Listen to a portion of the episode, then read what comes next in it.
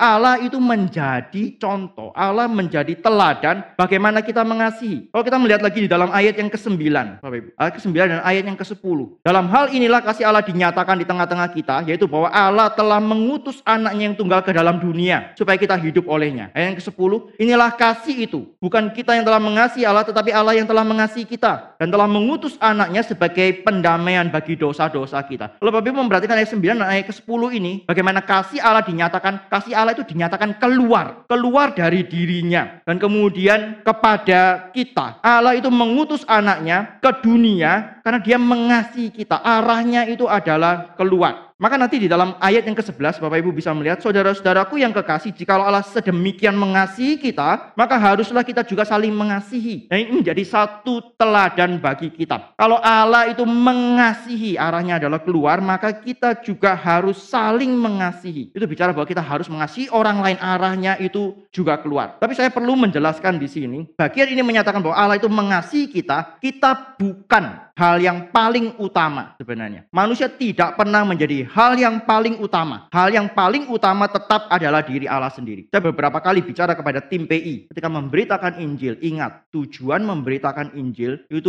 bukan yang paling penting itu bukan manusia, itu orang itu kemudian diselamatkan masuk surga. Bukan itu tujuan yang paling penting. Tujuan yang paling penting adalah kemuliaan kepada Allah. Kalau kita memberitakan Injil dengan pikiran tujuan utama orang itu masuk surga, kita mungkin mengkom memkompromikan Injil supaya orang itu kemudian tanda kutip terima, mau terima. Kita mungkin mempermudah pekabaran Injil itu kita mungkin melakukan hal-hal yang kompromi sehingga kemudian orang itu mudah menerima. Ketika dia mudah menerima, kita pikir dia benar-benar menerima Injil dan kemudian dia diselamatkan. Kalau itu menjadi tujuan dari pemberitaan Injil, maka kita sangat mungkin akhirnya jatuh di dalam hal itu. Tapi kita harus ingat tujuan dari pemberitaan Injil atau tujuan dari segala sesuatu bahkan itu adalah untuk kemuliaan Allah. Yang penting adalah bagaimana Allah itu dimuliakan. Ketika kita memberitakan Injil yang sejati tanpa kompromi, ketika kita memberitakan Injil tanpa kita mengurangi satu hal dua hal, Gitu. Kita harus menegur dosa, kita harus menyatakan Kristus, kebenaran Kristus, pengorbanan Kristus dan seterusnya. Ketika kita memberitakan Injil yang sejati, tujuan utamanya adalah kemuliaan Allah. Maka ketika Allah mengutus anaknya ke dalam dunia, yang pertama-tama itu bukan supaya kita diselamatkan. Yang pertama-tama adalah supaya Allah itu dipermuliakan. Sekali lagi, Allah itu akan mempermuliakan dirinya di dalam segala sesuatu. Ya Bapak Ibu,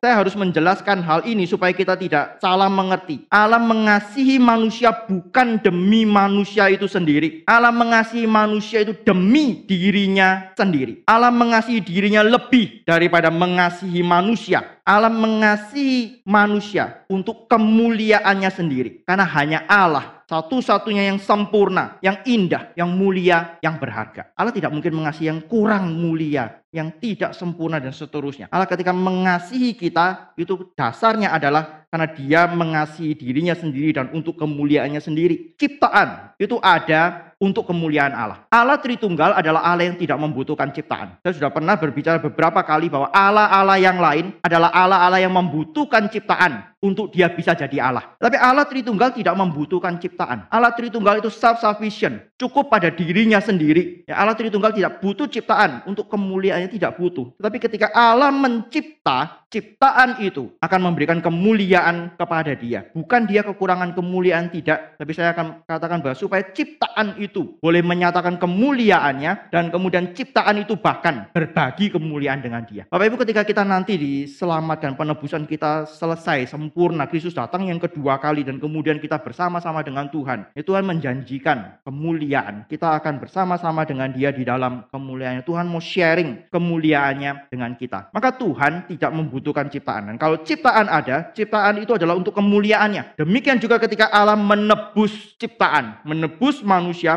orang-orang pilihan. Dan nanti akan menebus seluruh ciptaan itu bukan untuk ciptaan itu sendiri, melainkan untuk dirinya.